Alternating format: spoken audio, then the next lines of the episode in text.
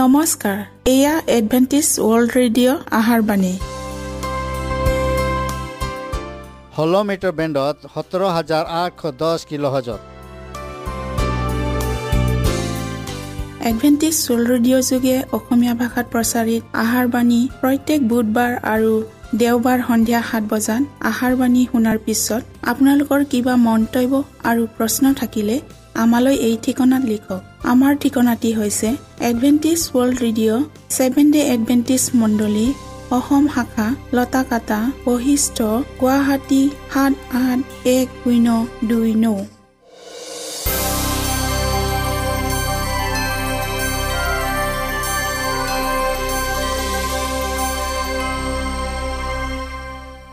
প্ৰিয় শ্ৰোতা বন্ধুসকল এতিয়া শুনো আহক এটি খ্ৰীষ্টীয় ধৰ্মীয় গীত।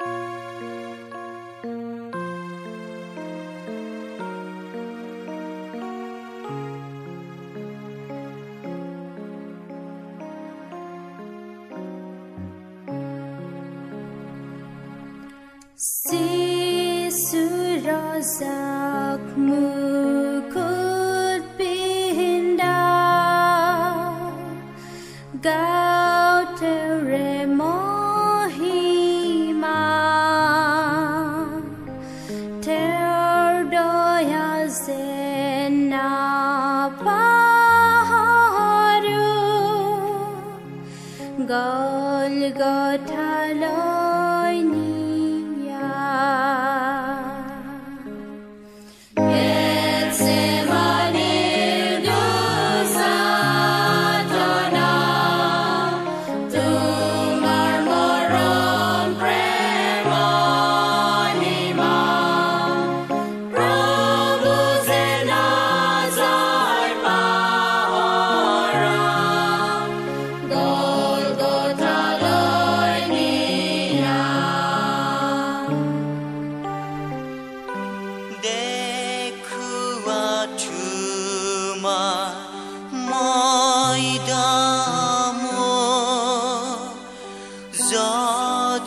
সকলো বলে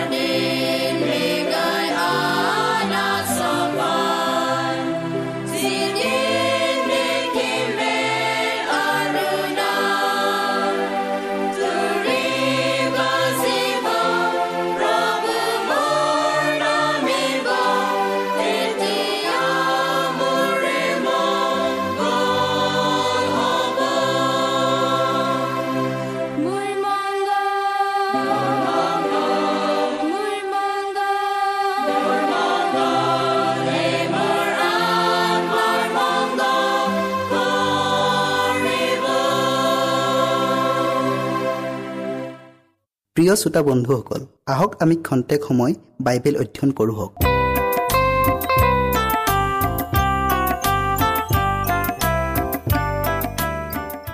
আজি আমি নকল সূচীকৰণৰ বিষয়ে অধ্যয়ন কৰোঁ হওক।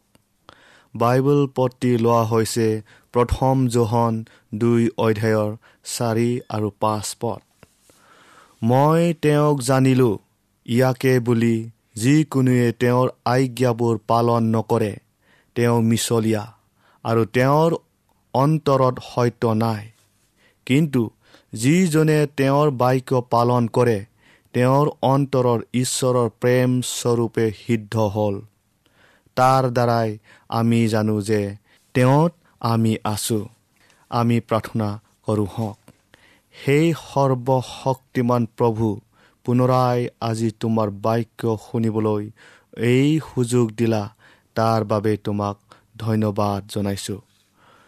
প্ৰভু আমি অতি প্ৰয়োজনীয় নকল সূচীকৰণৰ বিষয়ে অধ্যয়ন কৰিবলৈ আগবঢ়াইছোঁ। তুমি আমাক জ্ঞান আৰু বুদ্ধি দিয়া। সকলো শ্ৰোতাৰ হৃদয় পবিত্ৰ আত্মাৰ যোগেদি স্পৰ্শ কৰি দিয়া। যীশুৰ নামত খুজিলোঁ। আমেন। ধৰ্মীয়ৰ জগতত এতিয়া সূচীকৰণৰ যিবোৰ উল্লেখনীয় কাৰ্য কৰা হৈছে সেইবোৰে আত্মা প্ৰশংসা কৰা আৰু ঈশ্বৰৰ বিধানক অৱজ্ঞা কৰা মন এটাৰহে জন্ম দিছে। যিবোৰ বাইবেল ধৰ্মৰ সম্পূৰ্ণ অচিনাকি। ইয়াৰ শিক্ষকসকলে এইদৰে শিকায় যে সূচীকৰণ হৈছে মুহূৰ্ততে হৈ উঠা এটা কাৰ্য যিটোক মাত্ৰ বিশ্বাস কৰাৰ দ্বাৰাই পাব পাৰি। একো নকৰাকৈ মাত্ৰ বিশ্বাস কৰাৰ দ্বাৰাই সিহঁতে সম্পূৰ্ণ পবিত্ৰতা লাভ কৰিব পাৰে। তেওঁবিলাকে কয় মাত্ৰ বিশ্বাস মাতোন কৰা আৰু আশীৰ্বাদ ভাগি হবা। গ্ৰহণ কৰোতাজনে ইয়াতকৈ অধিক আৰু একো কৰিবলগীয়া নাই। একে সময়তে তেওঁবিলাকে ঈশ্বৰৰ বিধানৰ ক্ষমতাক অস্বীকাৰ কৰে আৰু জোৰ দি যুক্তি দৰ্শায় যে এতিয়া আৰু তেওঁবিলাক বিধান পালন কৰা দায়িত্বৰ পৰা মুক্ত হ'ল। অৰ্থাৎ তেওঁবিলাকৰ বাবে বিধান পালনৰ কোনো প্ৰয়োজনীয়তা আৰু নাই। কিন্তু যি বিধানে তেওঁৰ প্ৰকৃতি আৰু ইচ্ছাক প্ৰকাশ কৰে সেই বিধানৰ সংস্পৰ্শত নহাকৈ অথবা সেই বিধানৰ লগত মিলন নোহোৱাকৈ ঈশ্বৰৰ ইচ্ছা আৰু চৰিত্ৰৰ লগত সংগতি ৰাখি মানুহে পবিত্ৰ হোৱাটো অসম্ভৱ। এটা সহজ ধৰ্মৰ প্ৰতি থকা ইচ্ছাই যিটো ধৰ্মই কোনো কঠিনতা কোনো আত্মা বলিদান নিবিচাৰে যি ধৰ্মত জগতৰ মূৰ্খতাক ত্যাগ কৰাৰ প্ৰয়োজন নাই বিশ্বাসৰ মৌলিক তত্ত্বক বিকৃত কৰি মাত্ৰ বিশ্বাস শব্দত ৰাখিলে যিটো বৰ্তমান সকলোৰে প্ৰিয় তত্ত্বত পৰিণত হ'ল। কিন্তু এই বিষয়ত বাইবেলে কি কয়? পাচনি জাকুবে এইদৰে কৈছে হে মোৰ ভাইবিলাক কোনোৱে যদি কয় মোৰ বিশ্বাস আছে কিন্তু তেওঁৰ যদি কৰ্ম নাথাকে তেন্তে কি লাভ? সেই বিশ্বাসে তেওঁৰ পৰিত্ৰাণ কৰিব পাৰিবনে? হে নিৰ্বোধ মানুহ কৰ্মবিহীন বিশ্বাস যে মৰা তাক নাজানানে? এই গলগ্ৰহ স্বৰূপ কৰ্ম নথকা বিশ্বাসৰ তত্ত্ব ঈশ্বৰৰ বাক্যৰ সাক্ষৰ পৰিপন্থী যাৰ দ্বাৰা কৰোণাক প্ৰাপ্ত হ'ব পাৰি সেই মূল বিষয়টোকে বাদ দি স্বৰ্গৰ অনুগ্ৰহ লাভ কৰিব বিচৰাটো পৰ্বতৰ কাষ কণী বিচৰা নিচিনা। এয়া অলিক কল্পনা মাথোন। কাৰণ প্ৰকৃত বিশ্বাসৰ মূল ভেটি ঈশ্বৰৰ প্ৰতিজ্ঞা আৰু শাস্ত্ৰ বাক্যৰ ব্যৱস্থাৰ ওপৰত প্ৰতিষ্ঠিত। ঈশ্বৰৰ বিধানক ইচ্ছাকৃতভাৱে উলংঘন কৰিলেও পবিত্ৰ হ'ব পাৰিম বুলি বিশ্বাস কৰি কোনেও নিজকে নুভুলাওক। জানি বুজি কৰা পাপে পবিত্ৰ আত্মাৰ মাত বন্ধ কৰে আৰু সি ঈশ্বৰৰ পৰা পৃথক হৈ দূৰলৈ আঁতৰি যায়। মই তেওঁক জানিলোঁ ইয়াকে বুলি যিকোনোৱে তেওঁৰ আজ্ঞাবোৰ পালন নকৰে। তেওঁ মিছলীয়া। আৰু তেওঁৰ অন্তৰত সত্যতা নাই। কিন্তু যিজনে তেওঁৰ বাক্য পালন কৰে তেওঁৰ অন্তৰত ঈশ্বৰৰ প্ৰেম স্বৰূপে সিদ্ধ হ'ল। গীতমালা এশ ঊনৈছৰ এশ চাৰি পদটো আমি চাওঁ হওক। তোমাৰ আধেবোৰৰ দ্বাৰাই মই জ্ঞান পাওঁ। এই নিমিত্তে মই সকলো মিছা পথ ঘীন কৰোঁ। এনে বহুতো অস্থিৰ মানুহ আছে যিসকলে অনুশাসন কোনো নীতি নিয়ম নামানে। সিহঁতে ভাবে যে সিহঁতৰ স্বাধীনতাই সিহঁতক সিহঁতৰ লক্ষ্যত উপনীত কৰিব আৰু সেয়ে সিহঁতে নিজৰ বিচাৰ বুদ্ধিক এফলীয়া কৰি সিহঁতৰ চলাওঁতা বা শিক্ষকসকলৰ কথাত নিৰ্ভৰ কৰি চলে। শৃংখলাবন্ধ হৈ আটাই অসাৱধানতাবোৰ দূৰ নকৰিলে আৰু কল্পনাপ্ৰসূ আটাই বিষয়বোৰ সিহঁতৰ পৰা দূৰ নকৰিলে ঈশ্বৰৰ কাৰ্যক আগুৱাই নিয়াটো কঠিন হ'ব।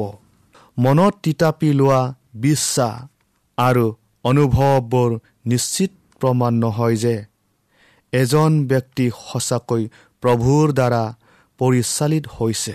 ছয়তানেও এনে বিশ্বাস আৰু অনুভৱ দান কৰি সন্দেহৰ কোনো অৱকাশ নথকাকৈ সেইজন ব্যক্তিক পৰিচালনা কৰিব পাৰে। এইবোৰ নিৰাপদ সাৰথি নহয়। আমাৰ বিশ্বাসৰ প্ৰমাণবিলাকৰ লগত সকলোৱে ব্যক্তিগতভাৱে পৰ্যায়ক্ৰমে পৰিচিত হোৱা উচিত। আৰু তেওঁবিলাকৰ কামবোৰক কেনেকৈ আকৰ্ষণীয় কৰিব পাৰি আৰু ঈশ্বৰৰ গৌৰৱৰ বাবে কেনেকৈ ফল ধৰিব পাৰি তাৰ বাবে প্ৰত্যেকেই গভীৰ অধ্যয়ন কৰা উচিত। কিছু সময়ৰ বাবে সি এনে অনুভৱ কৰিছিল যে সি এটা নতুন পোহৰ লাভ কৰিছে। তাৰ বৰ টান নৰিয়া হৈছিল আৰু মৰু মৰু অৱস্থা হৈছিল। যেন অতি সোনকালে মৰিব। যিবিলাকক সি নিজে দেখা পোহৰৰ বিষয়ে কৈছিল বহুতে তাৰ কথাক আগ্ৰহেৰে শুনিছিল আৰু আন কিছুমানে সি দৰ্শন পাইছে বুলি ভাবিছিল। আন বহুতক তাৰ কথা তাৰ যুক্তিয়ে একো ক্ৰিয়া কৰিব নোৱাৰিলে। তাৰ বেমাৰী কোঠাতে সি শক্তিশালী ধৰ্মোপদেশ আগবঢ়ালে বুলি বহুতে মন্তব্যও দিলে। কিন্তু তাৰ এনে অনুপ্ৰেৰণাৰ উৎস কি আছিল? এয়া তাৰ বিষ উপশমৰ বাবে তাক খাবলৈ দিয়া আপিংহে প্ৰতিক্ৰিয়া আছিল। তথাকথিত আৰোগ্যকাৰী ঔষধ বুলি জনা বহুতো ঔষধত নানা ধৰণৰ বিষ থাকে যি পিছত গৈ ইয়াক ব্যৱহাৰ কৰা ব্যক্তিজনৰ এনে অভ্যাস আৰু চৰিত্ৰ গঠন কৰাত অৰিহণা যোগায় যাৰ ফলত ব্যক্তিজনৰ শৰীৰ আৰু আত্মা উভয়ৰে ধ্বংসৰ কাৰণ হৈ পৰে। বহুতো জনপ্ৰিয় নিচাযুক্ত দৰৱ যাক আইনগতভাৱে প্ৰচলন কৰিবলৈ বৈদ দৰৱ বুলি কোৱা হয়। এইবিলাক দৰৱ খাবলৈ ডাক্তৰে আমাক লিখি দিয়ে। এইবোৰ খোৱাৰ পিছত বহুতৰে মদ খোৱা ভাং খোৱা আৰু কানি আপিং খোৱাৰ অভ্যাস গঢ়ি উঠে। যিবোৰক সমাজৰ অভিশাপ বুলি স্বীকৃত প্ৰিয় শ্ৰোতা বন্ধুসকল পবিত্ৰতা লাভ কৰা বুলি যিসকলে দাবী কৰে তেওঁবিলাকে যদি কিছুমান বিশেষ কল্পনাপ্ৰসূ বিষয়ৰ ওপৰত নিৰ্ভৰ কৰি চলে আৰু পবিত্ৰ শাস্ত্ৰ তন্ন তন্নকৈ চোৱাৰ দৰকাৰ নাই বুলি প্ৰচাৰ কৰে। যি শাস্ত্ৰ বাক্যই ভুলটোক আঙুলিয়াই দিয়ে তাকেই যদি অপ্ৰয়োজনীয় বুলি ভাবে তেন্তে তেনে আশীৰ্বাদ তেনে পবিত্ৰতা নকলহে।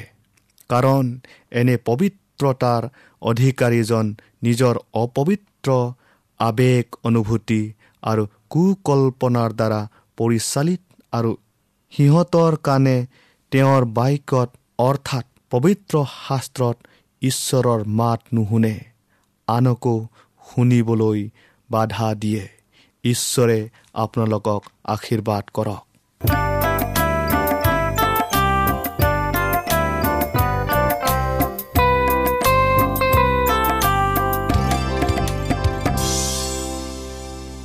ইমানপৰে আমি বাইবেল অধ্যয়ন কৰিলোঁ। এতিয়া আকৌ শুনো আহক এটি খ্ৰীষ্টীয় ধৰ্মীয় গীত।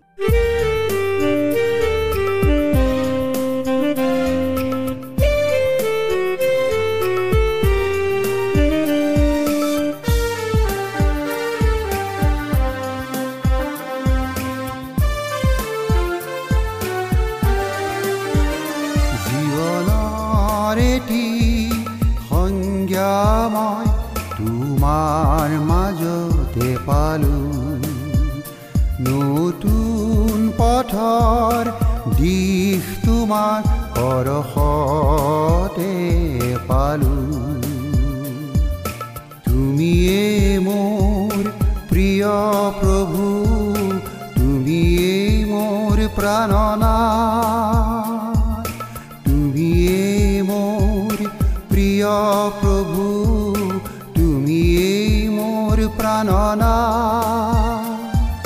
ৰিক্ত জীৱনত মোৰ আশাৰ পুষ্পৰত মোৰ আশাৰ পুষ্পৰ জীৱনৰ এটি সংজ্ঞা মই তোমাৰ মাজতে পালোঁ।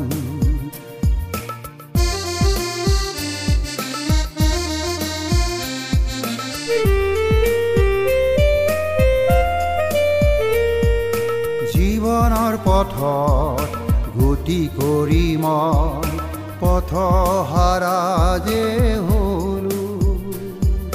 জীৱনৰ পথত গতি কৰি মই পথ হাৰা যে হলো। বাহুলৈ অহা প্ৰকৃতিলৈ চাই তোমাক বিচাৰি পালো। জীৱনৰ এটি সংজ্ঞা মই তোমাৰ মাজতে পালো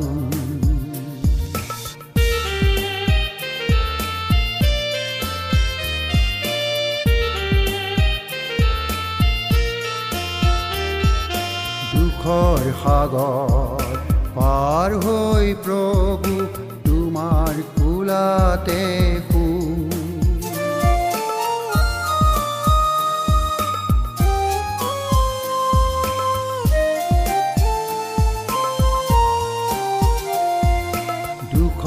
সাগৰ পাৰ হৈ প্ৰভু তোমাৰ কোলাতে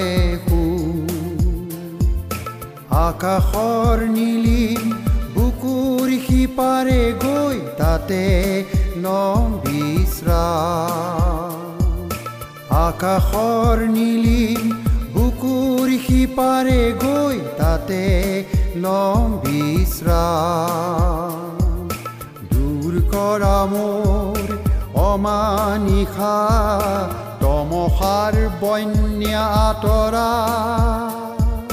নয়নে দেখে যে উজ্জ্বল সি পুৱা উজ্জ্বল সি পুৱা জীৱনৰ এটি সংজ্ঞা মই তোমাৰ মাজতে পালোঁ। নতুন পথৰ দিশ তোমাৰ পৰশতে পালোঁ। তুমিয়ে মোৰ প্ৰিয় প্ৰভু তুমিয়ে মোৰ প্ৰাণনা। তুমিয়ে মোৰ প্ৰিয় প্ৰভু তুমিয়ে মোৰ প্ৰাণনা। জীৱনত মোৰ আশাৰ পুষ্পৰত মোৰ আশাৰ পুষ্পৰত জীৱনৰ এটি সংজ্ঞা মই তোমাৰ মাজতে পালোঁ তোমাৰ মাজতে পালোঁ তোমাৰ মাজতে পালোঁ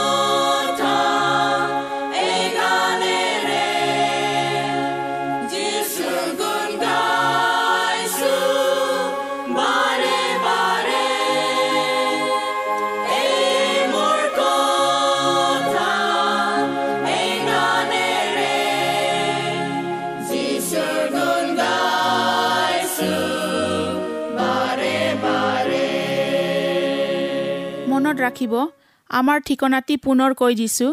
Adventist world radio' Assam region of seven day Adventist voice of hope Latakata Basistha Guwahati seven eight one zero' two nine প্ৰিয় শ্ৰোতা বন্ধুসকল এডভেণ্টিজ ৱৰ্ল্ড ৰেডিঅ' যোগে আহাৰবাণী প্ৰচাৰত আপোনালোকক পুনৰ লগ পোৱাৰ আহাৰে আজিলৈ সামৰিলোঁ। ধন্যবাদ।